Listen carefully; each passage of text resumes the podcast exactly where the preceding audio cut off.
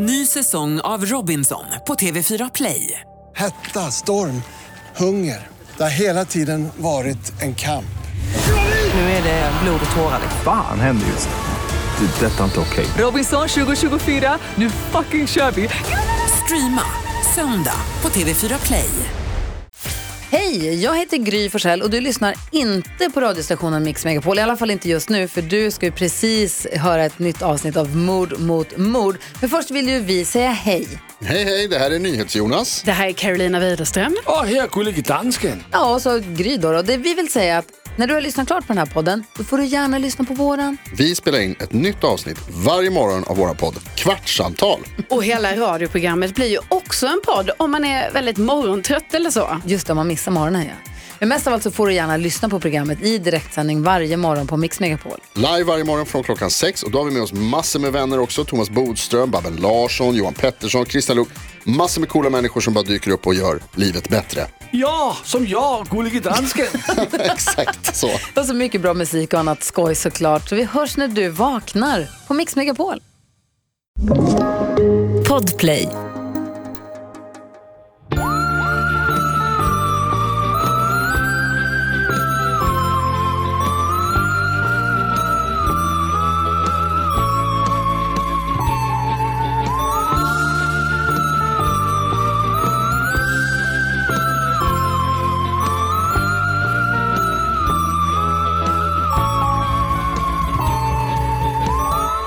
Och välkomna till veckans avsnitt av Mord mot mord med Anna Sandell och Karin Londré. Och grattis, nej, glad påsk Jaså? i efterskott. Grattis på påsk! grattis på påsk i efterskott. Vi är väldigt så inne på högtider i den här podden ändå. Verkligen.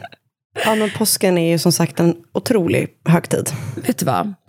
Nu har vi ju, nu är, när vi spelar in det här är vi ju liksom ändå i påskens epicenter ganska mycket. Lite, vi har Verkligen. Gått, vi har lite gått Vi över, över ja, Ja. vi har lite grann gått över kullen, men vi är ändå djupt inne i ägget om man säger. Absolut. Eller hur? Och, I eh, äggstocken. vi, Eller? Nej. Vi har, vi har eh, fastnat, vi är gravida med påskharens barn. Eh, och eh, jag måste säga att vi ljög ju in- inte när vi förra veckan konstaterade att påsken är kanske, alltså nu- är det kanske den bästa högt, högtiden? Alltså, jag tror det. Jag tror kanske också det.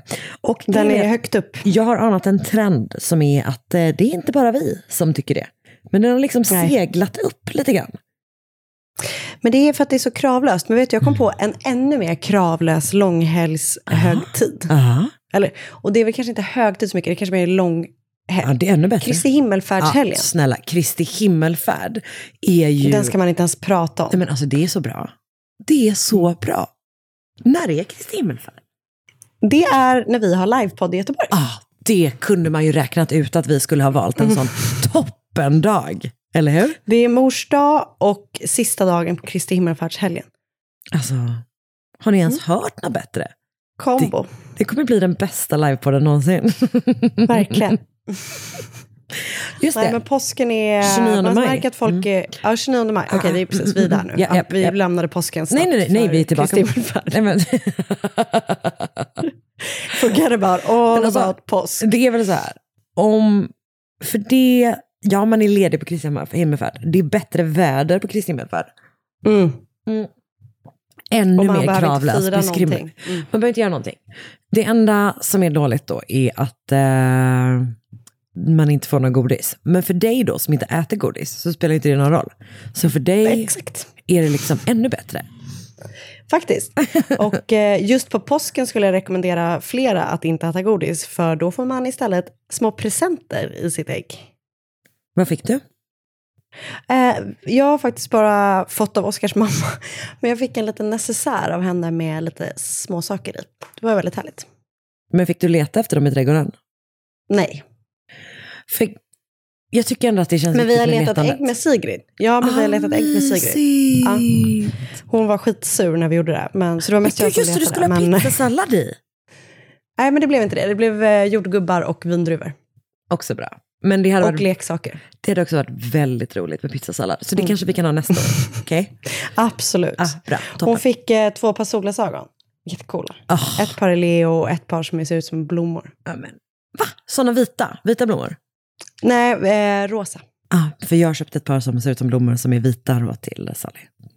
Fint. Hon hatar dem, eh, men de är väldigt fina. eh, Ja, men det är mysigt med påsk, det kan vi i alla fall konstatera. Att vi slår ett Toppen. slag till för påsken. Härligt måste. nästa år. va? Slår vi ett slag till för nästa Men års påsk? däremellan kommer julen och midsommar och Kristi himmelfärd. Och inte minst Kristi himmelfärd. Eller som jag gillar, du vet när man är lite så nere med Kristi himmelfärd och bara kallar det för Kristi, Kristi him. jag hatar det. Eller, Jag hatar det. eller när man är ännu Det började skönare. hända för några år sedan. Eller folk när- började bara, det var bara ett etablerat begrepp. Du vet, det är som att alla plötsligt börjar säga mossa för mozzarella. Åh. Att det, Det här, känner jag ingen som gör. Okej, vad skönt för dig. Eh, Att det var typ att man bara eh, åt så schysst mossa på Kristi him. Men sen kan man ju vara ännu Jag skönare. fattade inte ens vad du menade först när du sa mossa. Jag tänkte, du skulle sagt med mer z. Jo, Mozza. mozza. Just det, fan. Jag tror att det är the correct way. Pinsamt att jag uttalat det fel. Du bara, jag vet inte ens vad du pratar om, för alla som jag känner säger mozza. Exakt. Jag säger mozza, jag vet inte varför du säger mossa. Men om man är ännu mer nere med Kristi himmelfärd, Mhm. vet du vad man säger då? Nej. Kristi flygare. Ja, ja. Men då, då, är man, eh, då är man väldigt skön när man säger så. Det känns som att någonting som din pappa skulle kunna säga. Nej. Man Han inte, är, vet typ knappt vad det är. Han firar inte så mycket. han vet knappt vad det är. Det, det, nej han, är inte, han är inte så lust... Alltså, hans begrepp är inte för att han är lustig, det är ju för att eh, det bara är så. Alltså, Ja, förstår jag menar? precis som Kristi Kristi Flygare. Känns mer som... Ja, men det känns mer som man säger det för någonting som att man är lite skoj. Liksom. Ah, Okej, lite av en posör tänker du. Och då känner jag ju, Mm, lite så. ja, nej, men då tänker jag mer, det tänker jag mer att Kristi him är. Okej, ja, Mm. pappa säger inte det heller. Men säger han mozza? eh, han, jag tror knappt han vet vad mozzarella är heller. han är en Västerbottenkille. Ah, han är bäst. Ja. Ehm, Nej, men eh, eh, ja, det är kul. Kul med våren för att det är så sjukt härligt med så många långhelger. det får man ändå, det får man ge våren. Gud. Mm. Alltså varför är du och jag, Starkast på att pra, småprata. Men vet du, då kan jag... Eller var det det du tänkte säga? alltså Nej. typ, ja, ungefär. Ja. Eh, för att, nu går jag kanske lite händelserna i förväg här, men vi brukar ju fråga varandra om vi har lyssnat på något eller läst något och sådär. Och så har jag inte gjort det på hur länge som helst. Men nu har jag gjort det för att vi satt i bilen i åtta timmar. Pff, det är för många timmar. Mm. Men nu har jag lyssnat på en Spotify doc-serie om Drottninggatan. Som var, alltså terrorattentatet på Drottninggatan. Som var så jäkla hemsk, men så himla bra. Sex delar. Ja, det var tungt. Det var riktigt tungt. Men den var bra. Det är en kvinna som, jag har tyvärr tappat namnet på nu, men som har skrivit en bok liksom, där hon har pratat med eh, både räddningspersonal och, och polis och eh, personer som var där och du vet sådär, anhöriga och sånt. Väldigt sorgligt. Alltså väldigt, väldigt sorgligt. Grät flera gånger i bilen. Men väldigt bra. Och sen så har jag lyssnat på Rättegångspodden Ah. Eh, tre avsnitt om eh, dansbandsmordet, heter det. Okej, vad är det för något? Och det är eh, ett... Eh, det är en kvinna som mördas... Eller, det är en kvinna som hittas död i sin säng precis innan hon och hennes man ska åka till eh, Dansbandsveckan i Malung. Dit de Ja. åker varje år. Ja.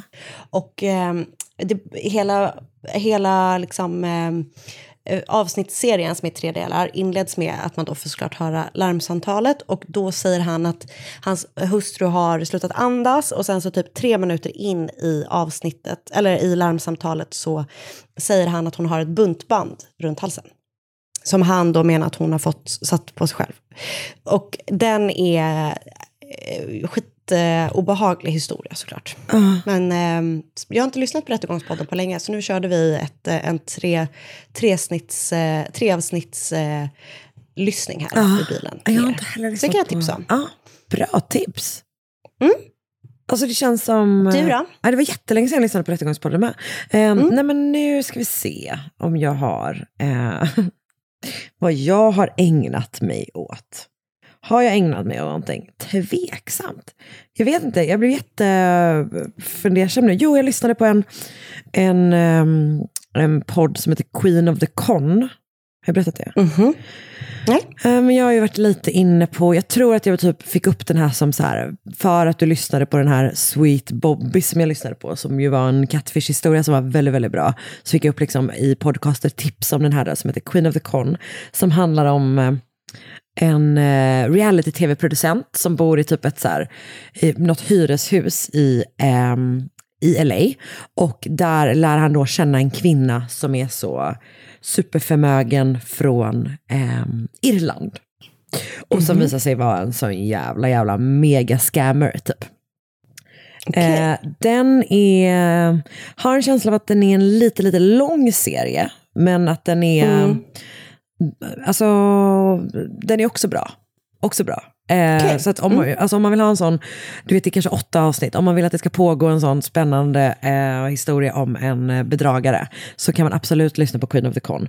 Det är också väldigt roligt för att han hela tiden berättar vilka reality-tv han alltså, re- re- reality-tv-serier han producerar. Och typ att det verkligen, du vet, så bara, eh, it was about the time when I, du vet, produced two idiots in a forest. Att han gör så jävla skitgrejer hela tiden. Typ. Så det tycker jag piggar upp. Att man liksom, eh, Kul. Det är väldigt härligt att höra, höra vad, han, vad, vad han gör på jobbet helt enkelt. Nej, men den är så här, jag, jag tycker att den är bra. Det är inte typ liksom mind-blowing, men bra liksom, eh, eh, lite så pågående. Så den kan jag säga att man ändå kan lyssna på. Kul. Ehm, det var nog det som jag hade tror jag. Ja, Ja, men det var ju inte så lite. alltid någonting. Alltid finns det någonting. Det gillar man. Ehm, har du något mer? Eh, Pingst? Mm. Eh, jag tycker vi kör, inte. eller? Ja. Ja. ja. Ny säsong av Robinson på TV4 Play. Hetta, storm, hunger. Det har hela tiden varit en kamp. Nu är det blod och tårar. Fan händer just det. Det är detta inte okej. Robinson 2024, nu fucking kör vi! Streama söndag på TV4 Play. Ett poddtips från Podplay. I podden Något Kaiko garanterar östgötarna Brutti och jag, Davva, dig en stor dos skratt. Där följer jag pladask för köttätandet igen. Man är lite som en jävla vampyr. Man har fått lite blodsmak och då måste man ha mer. Udda spaningar, fängslande anekdoter och en och annan arg rant. Jag måste ha mitt kaffe på morgonen för annars är jag ingen trevlig människa. Då är du ingen trevlig människa, punkt. Något Kaiko, hör du på Podplay. Därför är gardinerna.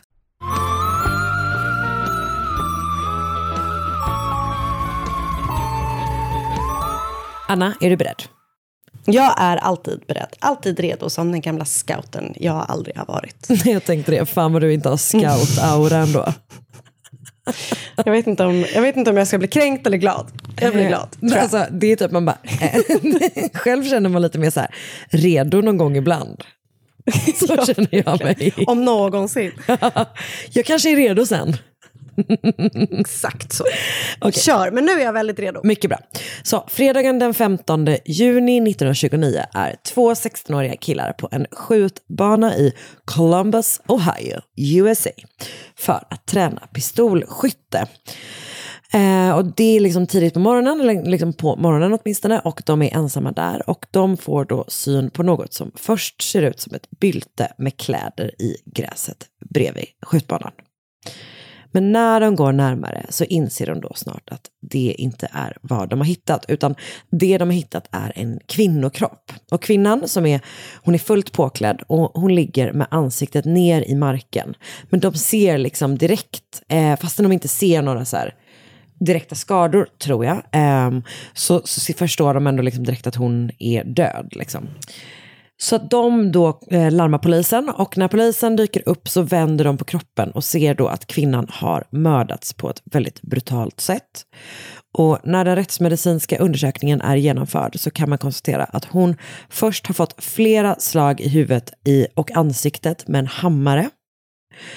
Eh, och tyvärr då eh, har personen som har mördat henne inte nöjt sig med det, utan eh, den har också, alltså dödsorsaken är blodförlust som är orsakad av ett djupt skärsår Nej. rakt över halsen. Nej, nej, nej. Och det här såret är liksom så djupt att eh, det har liksom skurit av både venerna i halsen och halspulsådern. Och snittet är liksom skarpt och liksom väldigt så rent utfört på, på ett sånt sätt som gör då att man misstänker att den som har gjort det nog kan ha någon slags medicinsk erfarenhet. Okej. Polisen kopplar liksom snart ihop den här döda kvinnan med en saknadanmälan som de har fått in. Eh, och det är då systrarna Alice och Beatrice Bust, eh, Bustin som har anmält sin roommate Theora Hicks saknad. Och hon hade varit jobbat kvällen innan och sen hade hon en dejt. Så de tyckte typ inte att det var jättekonstigt att hon inte typ dök upp på kvällen. Hon hade typ en tendens att så försvinna någon kväll här och där. Sådär. Men när hon inte kommer hem på morgonen eh, så blir de oroliga och på eftermiddagen den 14 juni så har de då gått till polisen och anmält henne saknad. Och eh, så morgonen efter så hittas då den här kroppen och de tar med sig den döda kvinnans klocka hem till systrarna. Och de identifierar då med den som Tioras. Liksom. Och lite bakgrund om henne då är Tiora eh, K. Hicks, kallad Teddy av sina vänner, föddes den 10 augusti 1904 i Upstate New York och var rektorn Melvin och homemakern Joanna Hicks enda barn. Och de hade liksom längtat och väntat länge på att få barn och hade liksom i princip gett upp hoppet när Joanna plötsligt blev gravid vid 41 års ålder och födde Theora. Och hon var liksom redan tidigt ett så väldigt liksom ett speciellt barn. Alltså hon var väldigt, eh, hon var väldigt självständig och liksom väldigt så kapabel. Typ. Hon var supersmart och du vet snabb och liksom vass. Typ. Så det stod liksom tidigt klart att hon hade en strålande framtid framför sig. I tidiga 20-årsåldern så blir hon undergrad på Ohio State University och sen eh, börjar hon, när hon är klar med det, så börjar hon på samma skola på läkarlinjen. Och det här är liksom 1920-tal. Alltså det är jätteovanligt med Jätte- ja, eh, kvinnliga lä- läkare. Jag tror att det antingen så är det 4% kvinnliga läkare på läk- eller kvinnor på läkarlinjen. Eller så är det 4% kvinnor som är alltså, av läkarkåren. Jag är inte helt säker. Men oavsett så är det väldigt, väldigt få. Liksom. Eh, Men Theora jobbar då väldigt hårt och det går liksom jättebra för henne i skolan. Och parallellt då med sina väldigt krävande studier så lyckas hon också flera jobb för att försörja sig själv.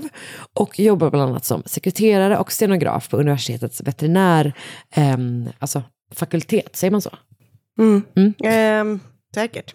Det- Alltså, man, jag tänker man säger det på engelska, men vad säger man? Alltså avdelningen man- för veterinär, Eh, förstår du vad jag det menar? gör man. Institutionen, Ja, jag jag säger man inte det? Så heter det nog. Veterinärmedicinska institutionen. jag hittar på det. Men jag tror man kan säga fakultet på... Vi säger det. Jag vet. Ja, och vet du vad, jag kommer aldrig behöva, jag tror inte att det är med en enda annanstans i det här, det här manuset, så vi har Nej, inte bra. ett problem. Då går vi vidare Bara vi går vidare.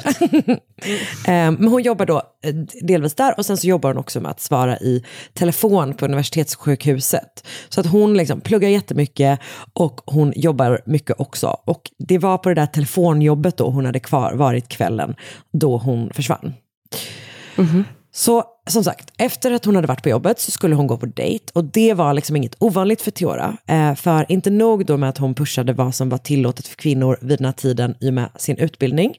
Hon gjorde också det när det kom till sitt privatliv. För att ehm, hon, alltså Theora var inte typ en person som berättade mycket om sitt privatliv för sina vänner eller så. Utan hon var, hon var väldigt, väldigt privat liksom. Så privat att de typ slutade fråga och typ bara förutsatte att hon inte hade tid att dejta eftersom hon hade så fullt upp med utbildning och jobb. Men så visade sig vara inte fallet. Utan Theora hade snarare ett väldigt aktivt liksom, eh, datingliv typ. Och alltså sexliv. Och hon var liksom så här, intresserad av sex. Hon typ läste böcker om sex och hade sex. Liksom. Eh, och hon typ dejtade flera olika samtidigt. Och det var liksom inte det att så här, det var otänkbart att ha sex innan äktenskapet i liksom Nej. den här eh, delen av USA vid den här tiden. För unga då liksom. Eh, men det var ändå en tid som var väldigt mycket mer pryd än var vi är nu förstås. Eh, du vet, typ oralsex var tydligen olagligt på flera ställen runt om i landet. och sådär liksom. Okej. Så att hon var liksom normbrytande även på hur hon, alltså både privat och typ yrkesmässigt. Liksom. Hon, hon, det känns som att hon verkligen, hon gjorde typ det hon ville på ett sätt som nog inte kvinnor tilläts så mycket på den tiden.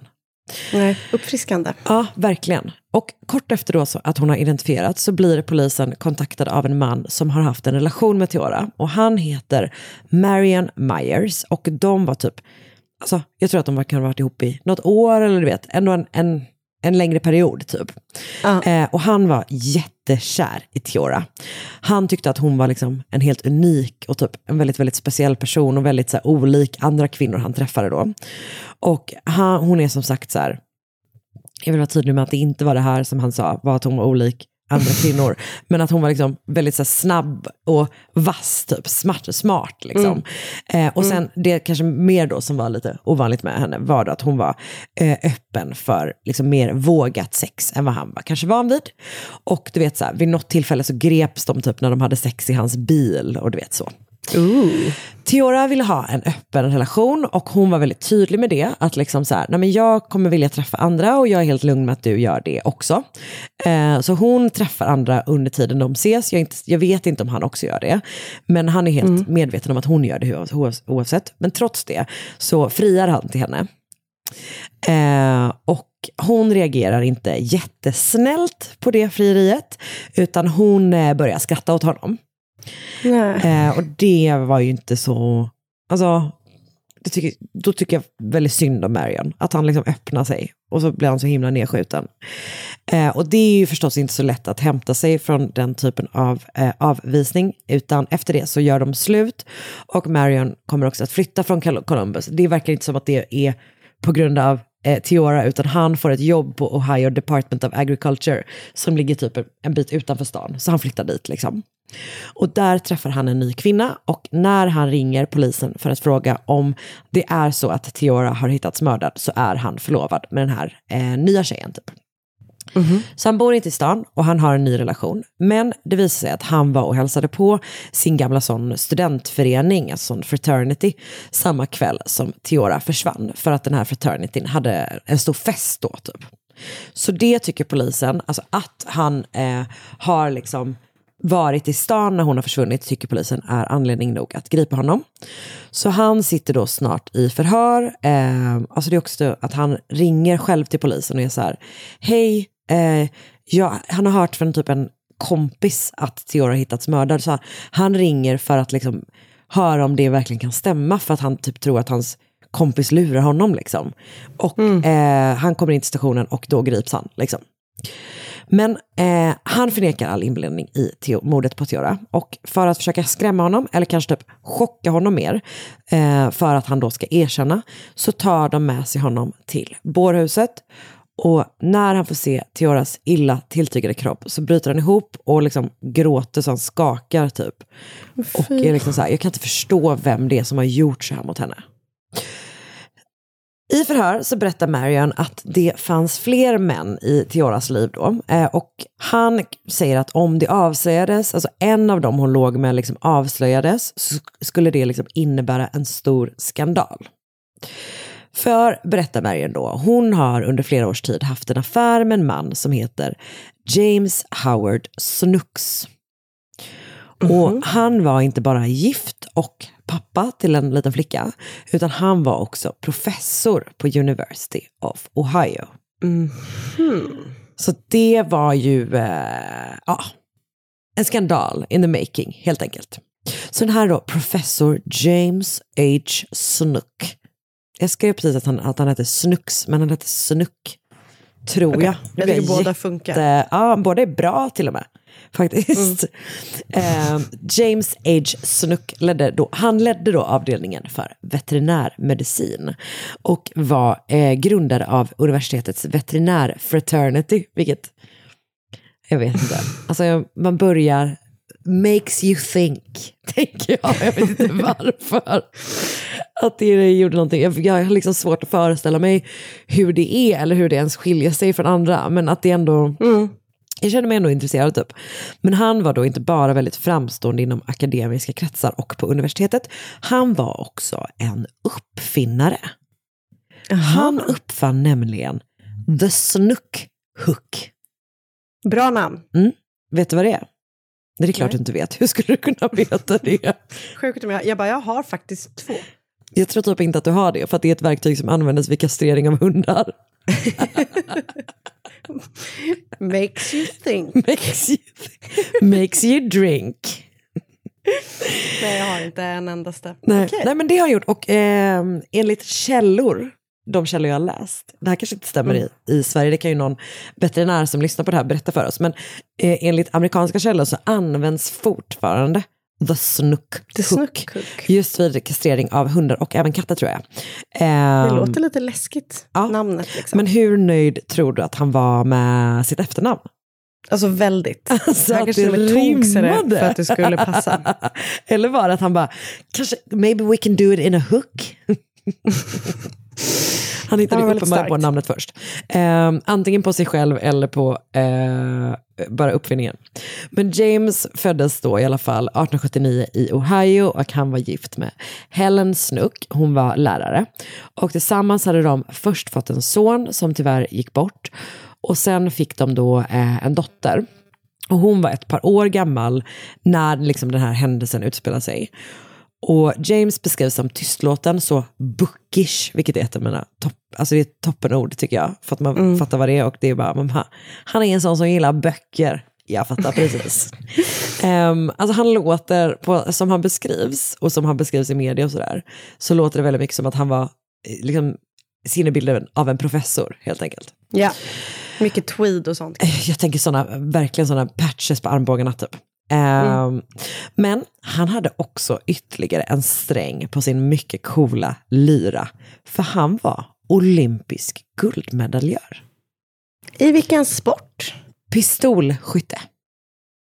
Aha. OS i... Makes you think. Makes hon you think. på banan. Mm, det kan man verkligen fundera på.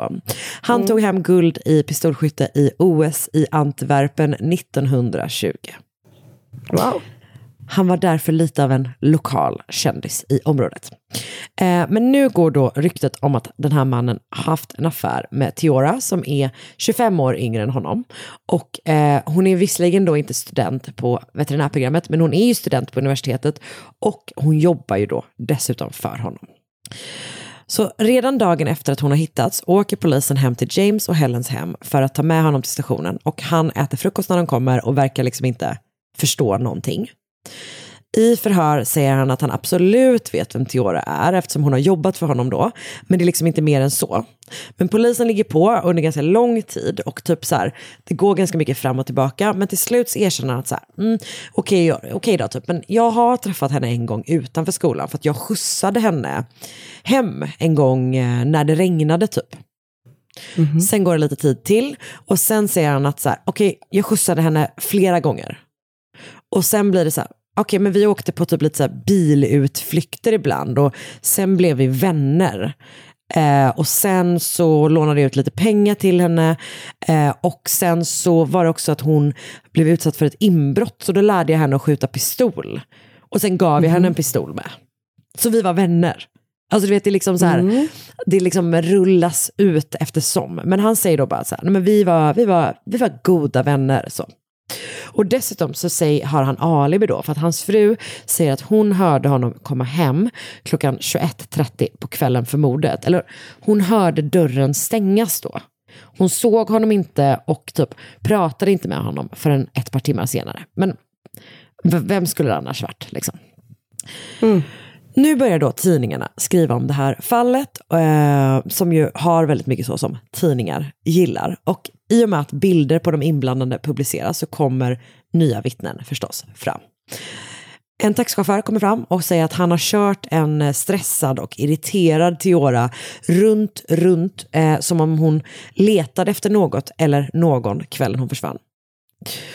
Och sen kontaktar en kvinna polisen och berättar att eh, hon hyr ut rum och eh, hon känner igen både James och Theora från då de här bilderna i tidningen.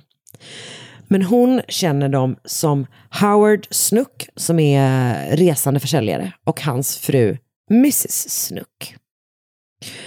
För de har hyrt ett rum av henne i flera års tid.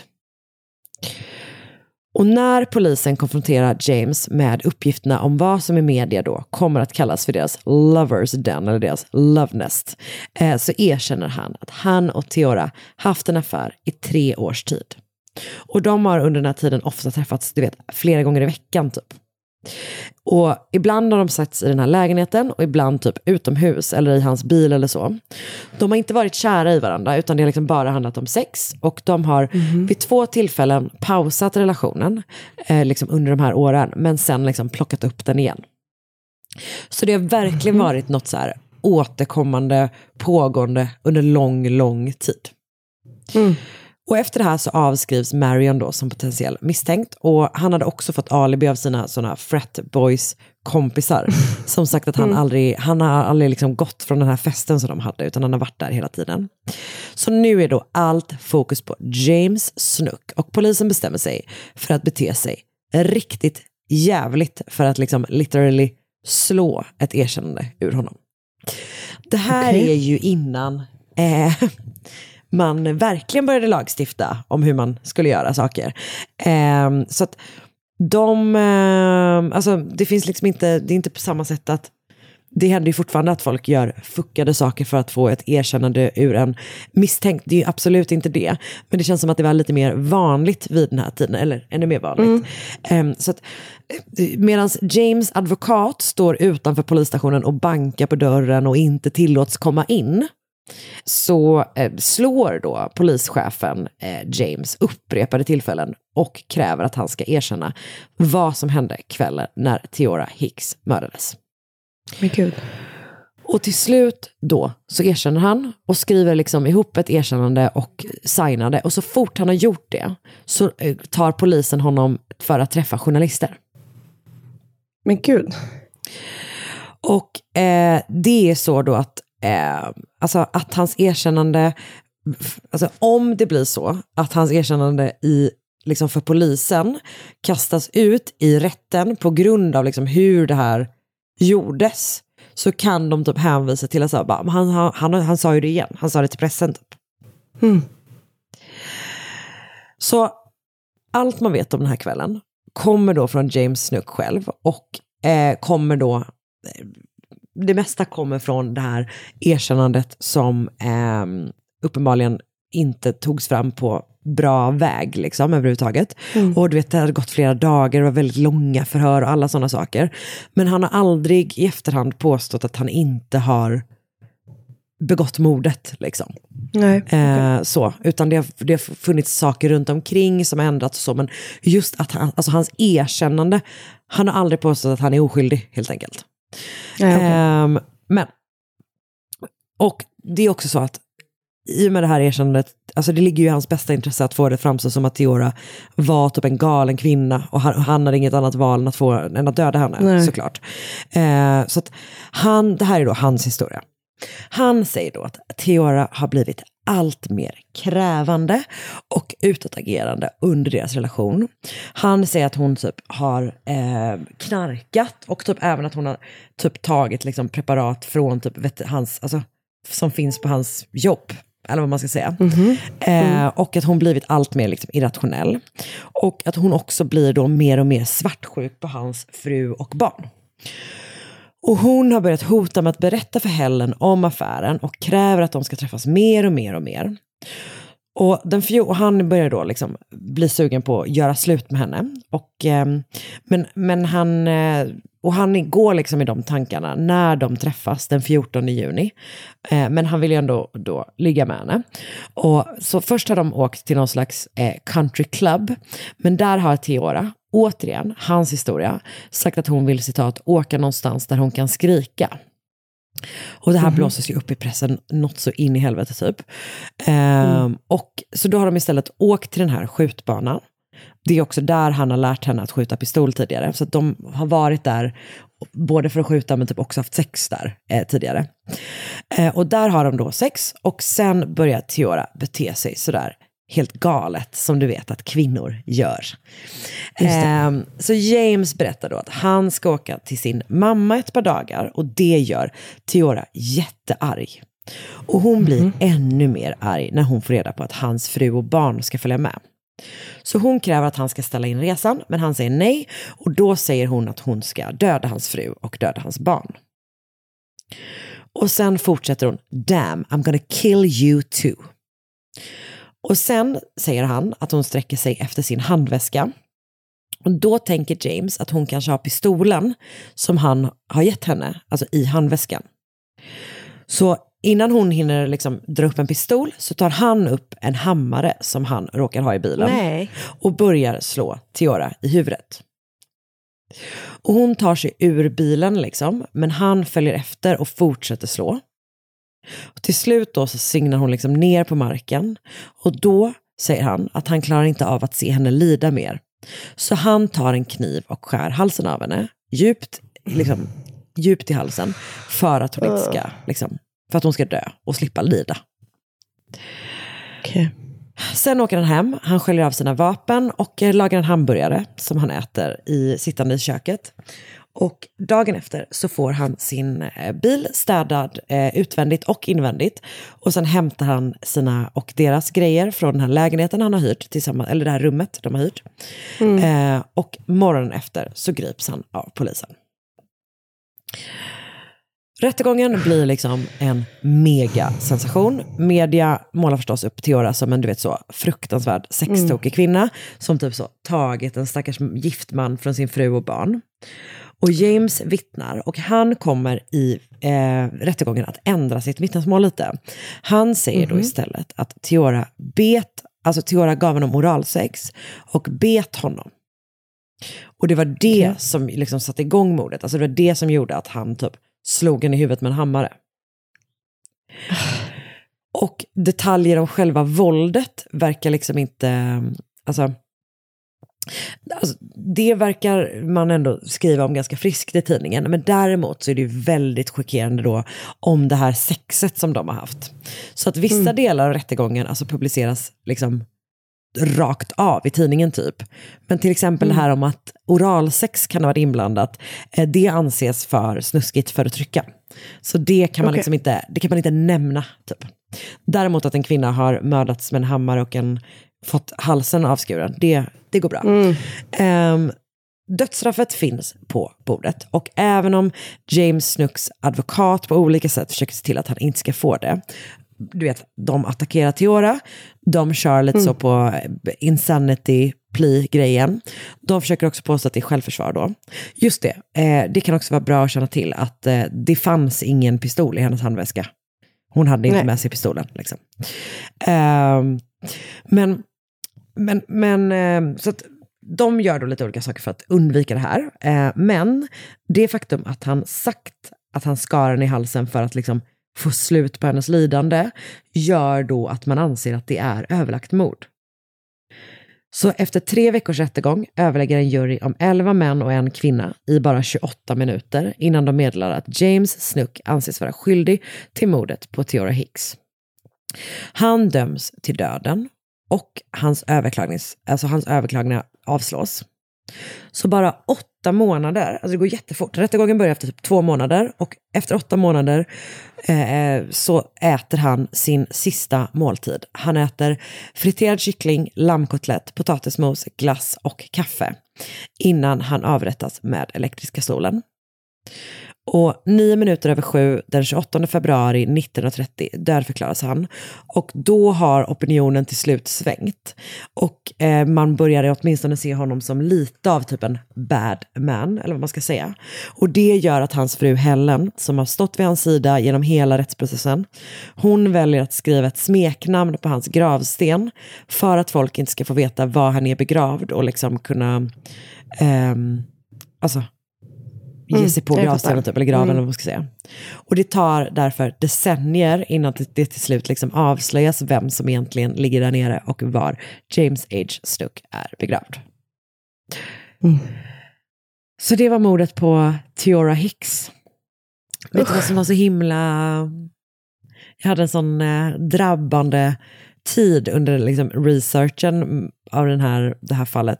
Där jag var inne på den här sajten, du vet, Find a Grave, där de har mycket sådana... Ja, Eh, för att det som var så himla sorgligt då var att ehm, hennes föräldrar har väldigt lite utrymme i den här liksom, Mm. rättssaken. Det verkar inte som att de vittnar och ändå måste de typ sitta där i rättegången, för jag vet om att de var i rättegången, eller liksom rättssalen, och lyssna på de här Mm. fruktansvärda sakerna som sägs om deras dotter, som får det att framstå Mm. som att hon förtjänade att mördas på det här vidriga, Nej, nej. vidriga sättet typ. Mm. Ehm, men på den här Memorial-sidan så finns ju också då ofta en profil för föräldrar. Liksom. Så Mm. var jag inne på hennes, för jag ville, skulle se om det fanns något mer om dem, typ, så man kunde ge lite mer bakgrund på dem. Så det var inne på deras, ehm, ehm, på, på, på hennes pappa och mammas liksom. Ehm, och då så stod det typ så här, var det någon som hade liksom bara, du vet förra året skrivit typ så här, What you endured, no parent should have to. Alltså, det känns så himla drabbande, typ folk fortfarande... Fan. Du vet att man ändå, det har gått så lång tid, det har gått nästan hundra år typ, men att, att ehm, det typ ändå är folk som tänker på det lidandet. Jag vet inte, det, gjorde, det, det drabbade mig. Typ. Ja, usch. Sorgligt. Eh, och jag har då lyssnat på podden Crimes of the Century säsong 2 avsnitt 4. Avsnittet, avsnittet heter Too Scandalous for the Papers, The Hicks Snook Case. Jag har läst ett gäng artiklar och kan varna för att det, alltså även i senare artiklar, typ sentida, finns en och annan rejält liksom sunkig formulering i typ alla.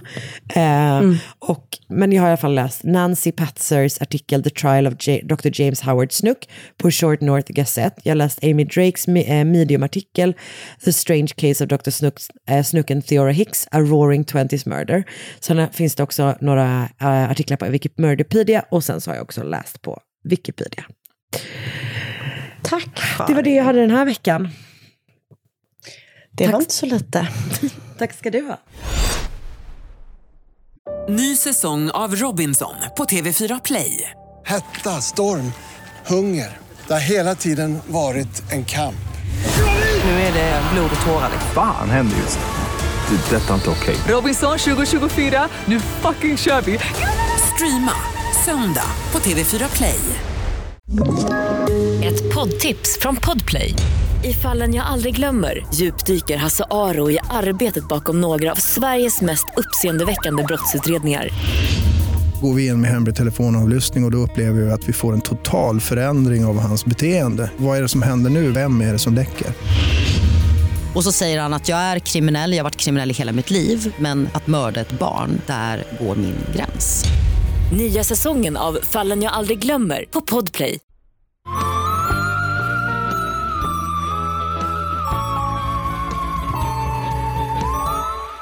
Bruce Furman bodde i den lilla staden St. Catherine i Ontario i Kanada tillsammans med sin sambo eh, Margaret Benesh. Margaret och Bruce hade båda haft olika relationer och barn eh, sedan tidigare när de träffades lite senare i livet när de båda var i 60-årsåldern. De två träffades när Bruce, som arbetade som mäklare, sålde Margarets hus och tycke uppstod och de två flyttade så småningom ihop. De hade då som sagt vuxna barn och båda hade barnbarn på varsitt håll, men de hade inga gemensamma eftersom de då var lite eh, äldre. Eh, de bodde i en sån eh, klassisk eh, nu är de ju i Kanada, jag skulle säga amerikansk förortsvilla, men du vet en plan med källare Mm. eh, i, där i St. Catharines. Och Bruce gillade att fixa och bygga hemma. Du vet, han hade en verkstad i garaget, hade lite olika byggprojekt eh, hemma och i trädgården och sånt. Och de verkar ha haft ett trevligt och bra liv tillsammans. De reste med sin husvagn och gjorde sådana saker som man kan tänka sig att två pigga pensionärer gjorde. Dröm. Jag så längtar. Eh, ja, jag vet. Det är bara 35 år kvar eller något. Åh, så få år. Ja. Eh, deras relation höll sig i åtta år innan den började bli lite mer rocky och de bestämde sig för att gå skilda vägar. Men det gör man kanske inte i en handvändning när man har bott ihop i åtta år. Så att det började med att de delade upp den här villan då som de båda två bott i. Och Bruce flyttade ner i källaren och Margaret bodde kvar på ovanvåningen. Åh, och sen stelt. levde de liksom, alltså så stelt.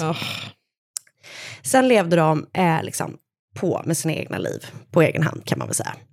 I november 2001 så kommer Margarets dotter Elizabeth och hälsa på. Hon bor i Trail i British Columbia. Och eh, en kväll eh, så bestämmer de sig för att de två ska åka till Niagarafallet.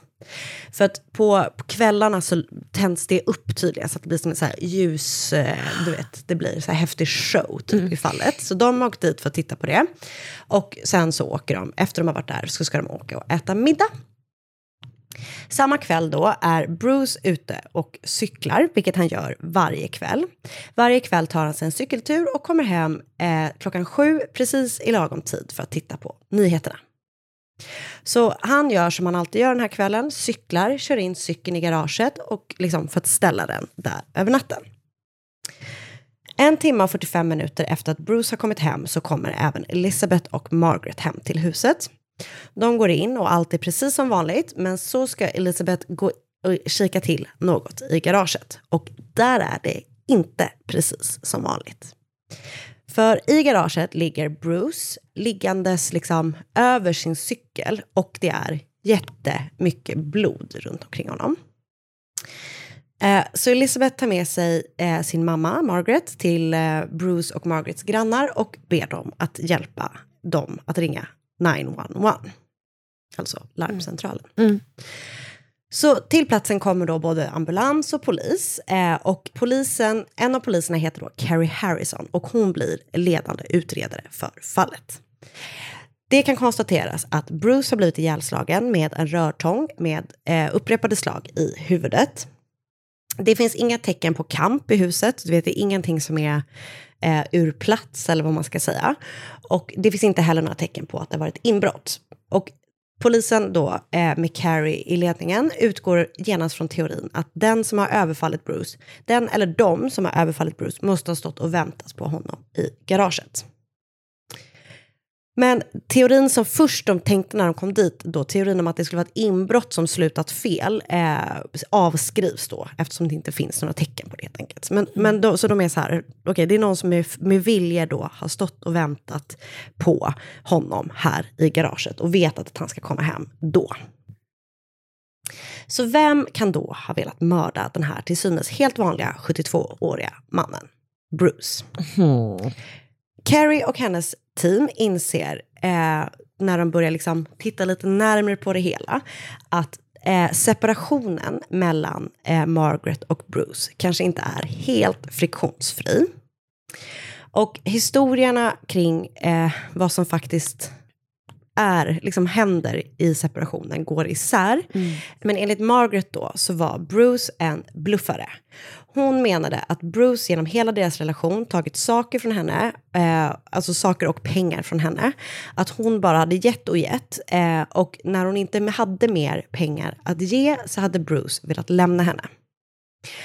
Hon planerade att dra det här då, eller dra honom inför rätta, att de skulle liksom göra upp deras eh, separation eh, inför rätta för att hon ville då liksom ha det som var hennes. Eh, hon hade enligt, alltså Margaret hade enligt Elizabeth och sig själv eh, försökt begå självmord upprepade gånger eftersom hon var så tyngd av den här situationen som eh, pågick med Bruce. Och liksom, eh, det var jättetufft för henne, liksom, allting som hände. För Bruce var enligt eh, Margaret då väldigt så här, kall och, och du vet, eh, ja, riktigt oschysst person. Helt enkelt. Så det var av den anledningen då som Elisabeth var och besökte sin mamma för att stötta henne i den här svåra tiden. När, när separationen liksom inleddes hade tydligen Elisabeth börjat komma dit oftare för att här, se till att hennes mamma hade det bra. Typ. Men enligt Bruce familj då, så hade han bara velat ha några saker som var hans. För att sen ville han avsluta relationen så att han kunde fortsätta en relation med en annan kvinna som han hade träffat. Hmm. Som heter Joan. Bruce son berättade också att hans pappa hade sagt att om någonting skulle hända honom så skulle de titta närmare på Margaret. För att han kände sig liksom, det kändes inte helt bra för honom. Helt, helt, helt enkelt. Det kändes inte, inte. Det kändes inte helt bra för honom heller, helt enkelt. Vilken jävla jobbig mening. Alltså väldigt, och jag har inte ens skrivit den någonstans, så jag vet inte varför jag var så propsade på att jag skulle säga det, men det gjorde jag. Eh, samma kväll som han senare blev mördad då, så hade han tydligen varit hemma hos den här nya kvinnan då, Joan, som han ville liksom inleda en ny relation med och klagat över hur jobbig hans situation med Margaret hade kommit att bli. Du vet, så han ville bara göra upp så att han kunde lämna eh, och då inleda relation med den här Joan och han fick inte det för Margaret. Var liksom, det här var liksom Bruce eh, familjs eh, berättelse. Margaret blir i alla fall misstänkt. Eh, hon skulle ju absolut kunna ha motiv för att mörda sin snart ex-sambo. Eh, de, polisen förhör ju både Margaret och Elizabeth samma kväll som Bruce mördades och de var ju båda två väldigt upprörda när de eh, liksom kom hem och hittade honom. Och när de undersöktes då av polisen, du vet efter så blodspår eller eh, bodily fluids som det heter, så hittar polisen ingenting. Och eh, de var liksom väldigt samarbetsvilliga och tillmötesgående. Och ingen av dem, ingen av dem hade ju heller faktiskt kunnat så här, göra det här, Nej. utföra själva dådet, eftersom de befann sig eh, på en helt annan plats. Och det fanns vittnen som kunde liksom vittna om att det, både Margaret och Elizabeth hade ätit middag då man tror att Bruce blev överfallen. Eh, och det som också då var eh, en grej som gjorde att Margaret liksom var ännu liksom var, tyckte att Bruce var en skitstövel var för att han hade tydligen varit, eller Margarets familj med Margaret kanske säga, för att han hade tydligen haft väldigt många andra kvinnor innan eh, Margaret som Margaret och hennes familj menade att han hade utsatt för samma sak, alltså att han hade lurat dem på pengar. Typ. Så polisen är också så här, hmm, kan det vara någon av de här andra kvinnorna som han eventuellt då har sårat och lurat på pengar, eh, som har eh, gjort det här? Men hans barn är bara så här, okej han har haft flera olika fruar eller sambos och sådär. Men det här som de menar stämmer inte. Och vi tror verkligen inte att någon av de här kvinnorna skulle komma liksom efter åtta plus år då, som Mm. han har varit ihop med Margaret för att hämnas. De var så här, det, det kan inte stämma. Och polisen liksom pursuar flera av de här liksom, kvinnorna för att se om de skulle kunna ha gjort det. Men det leder då ingenstans. Ehm, de har ju också såklart eh, säkrat brottsplatsen så att säga. Eh, försökt säkra så mycket bevis som möjligt. Men det verkar liksom inte finnas särskilt mycket eh, på plats. Och det var också dåligt väder den här kvällen. Så allt det som har liksom kunnat finnas runt huset har då liksom spolats bort av regn. Eh, de hittar ett fotavtryck eh, på brottsplatsen som inte leder någonstans. Men trots då att Margaret och Elizabeth har alibi för tillfället så fortsätter polisen att utreda spåret att Margaret i alla fall hade något med mordet att göra. De tänker att kanske har hon anlitat någon som har gjort det här. Så att det här tycker jag känns väldigt långsökt, men de är typ så här, kan hon ha tagit in någon? För St. Catharines är en jätteliten, eller en liten stad liksom. Som är så här, kan, de ha tagit in, kan hon ha tagit in någon från en annan stad för att göra det här? Så de börjar alltså så besöka alla hotell och motell i och runt om staden för att höra om någon eller några har varit suspekta som har bott där den här tiden. Och så ber de att få ut listorna på alltså alla hotellliggare typ, över alla gäster som har varit där. Okej. Det känns jättelångsökt, personal men det gör finns. de. Verkligen. Eh, men tydligen så, eh, den här Carrie då, hon var en av de, liksom, de det här, hon var liksom typ en av de första kvinnorna som fick leda ett sånt här fall. Så det, liksom, enligt henne då och folk runt henne så var hon otroligt noggrann. Ah. För att hon verkligen liksom visste att det var så folk som du vet, ville att hon skulle misslyckas för Just att hon var det. kvinna. Typ. Så hon Ah. var så sjukt eh, noggrann i allting hon gjorde. Så det, de gjorde det här i alla fall. Och det var tur det, för de får napp. På ett motell precis utanför stan så ser de att ett av rummen är hyrt av ingen mindre än Margarets dotter Elizabeth. Men hon behöver ju inget motellrum tänker du. Hon bor ju hos sin mamma. Det tänker jag verkligen. Mm. Så vem har då bott där, undrar vi alla. Mm. Och då visar det sig att det är två unga killar som har bott i rummet. Så polisen genomsöker och liksom försöker säkra bevis. Det verkar inte finnas någonting där som kan liksom indikera, det finns ingenting så här bara, aha, det var Karin och Anna som bodde här, utan det är liksom bara, de samlar ihop allt de kan. Och så vänder de sig samtidigt till Elisabeth, så att hon ska få förklara sig. Varför har hon ett rum på ett motell där två killar bor? Och då berättar Elisabeth en lite konstig historia. Och Hon säger att på bussen, hon har åkt en sån greyhound-buss från British Columbia, Trail, som den här staden där hon bor, heter, till St. Catharines. Och på bussen har hon träffat en ung kille vid namn Dell. Och den här killen, han hade det tufft eh, och han hade inga pengar och du vet sådär, ingenstans att bo.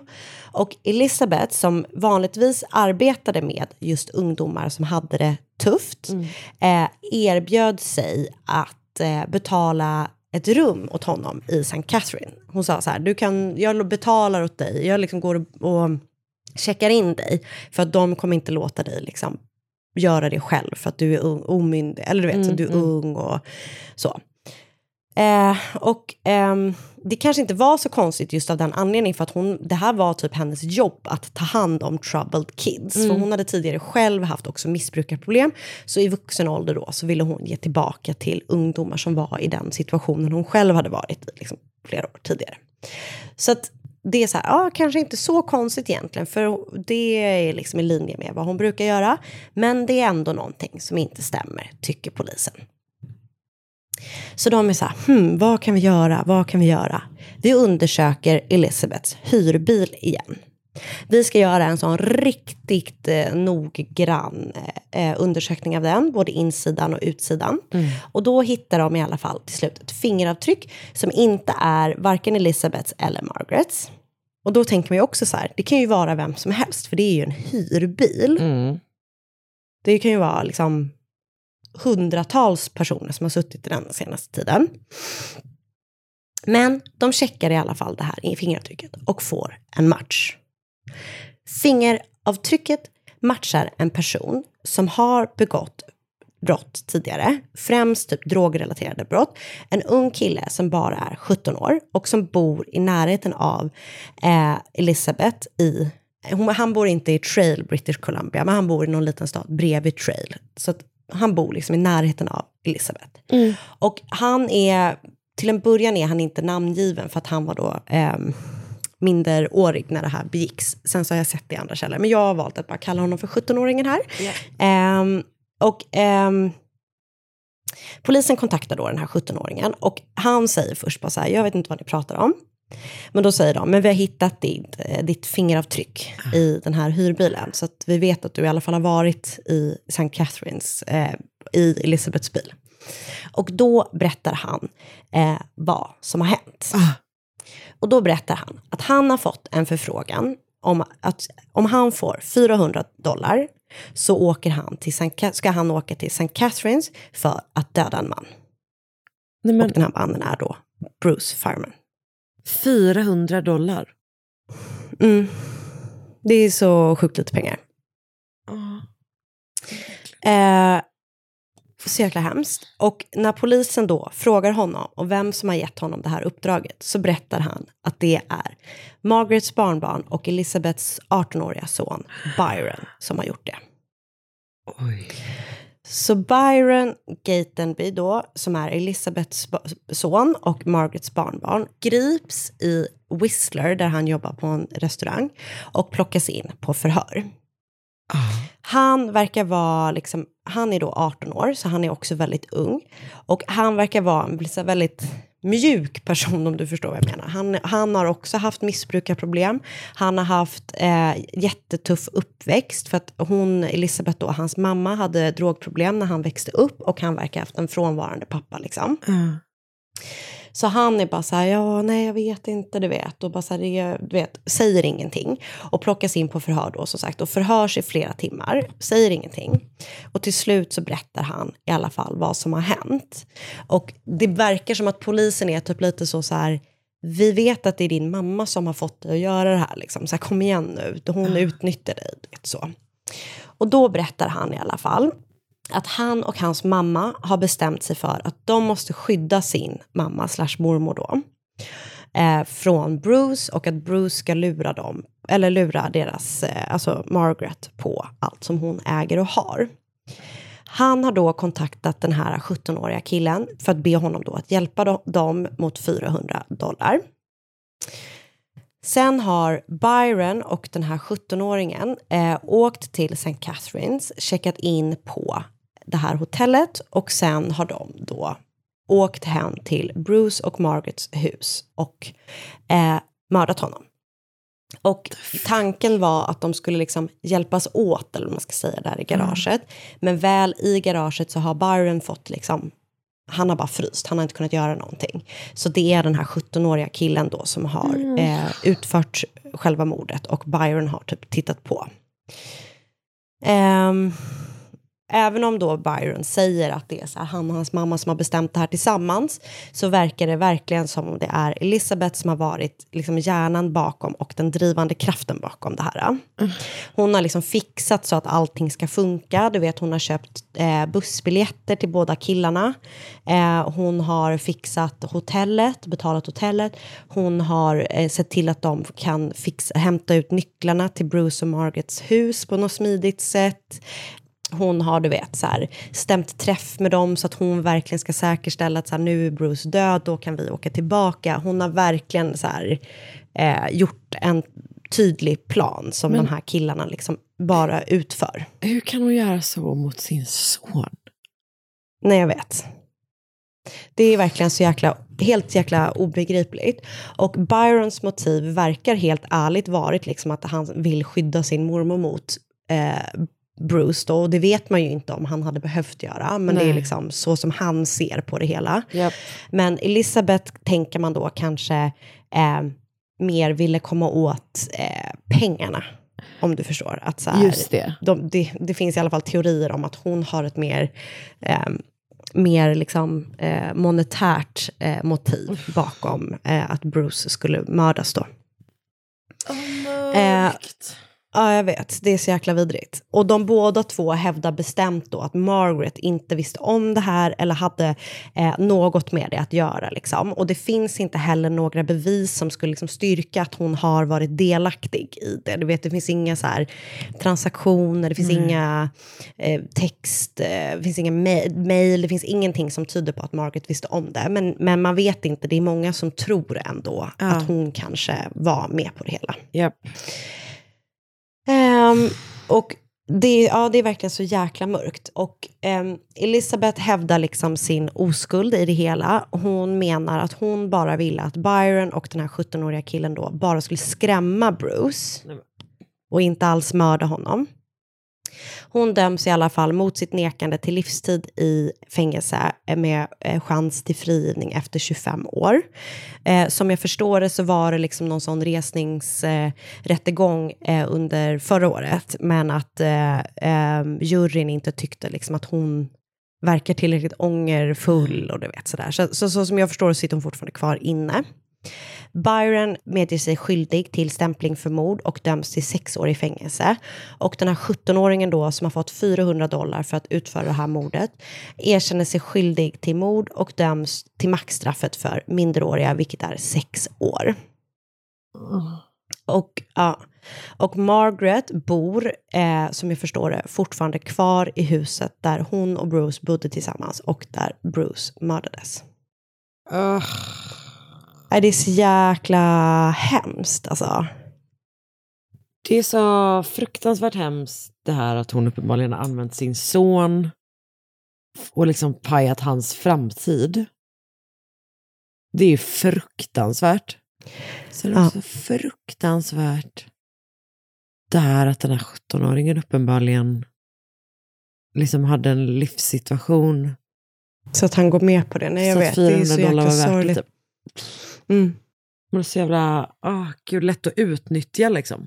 Nej, men det är så fruktansvärt. Och, och, och man tänker typ att, hon, att det känns extra hemskt eftersom hon själv har haft drogproblem som den här 17-åringen hade och arbetade med barn eller ungdomar Ah. som hade det. Ah. Så hon vet ju liksom hur, eh, Ja, men hur- ja, verkligen. Hur känsligt det är. Att hon verk, alltså, ja, jag vet, det är så jäkla fruktansvärt. Och det finns, jag såg eh, A Murderous Family Plot, Murder She Solved, a Real Crime Documentary.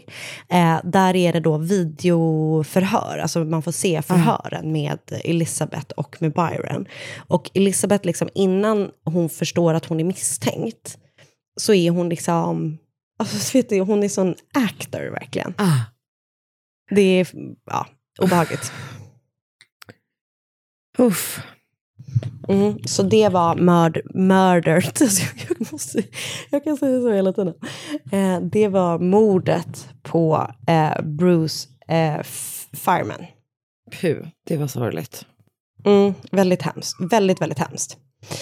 Och jag har då sett A Murderous Family Plot, Murder She Solved, som är en real crime dokumentär. Och så har jag läst Mother Knows Best på Cats True Crime Corner. Sen har jag läst, eh, nu ska vi se här, eh, Mother Son Manipulation at its Best, The Ontario Murder på medium.com av The Mystery Writer. Och sen har jag också läst eh, Gatenby Murder Conviction Stands i thestandard.com skriven av Karen A. Walker. Tack du. Tack du själv. Och tack även till er som varit med oss Tack alla som har lyssnat. Det är underbart att ha er med. Varenda Mm. en ska ha tack. Det ska ni.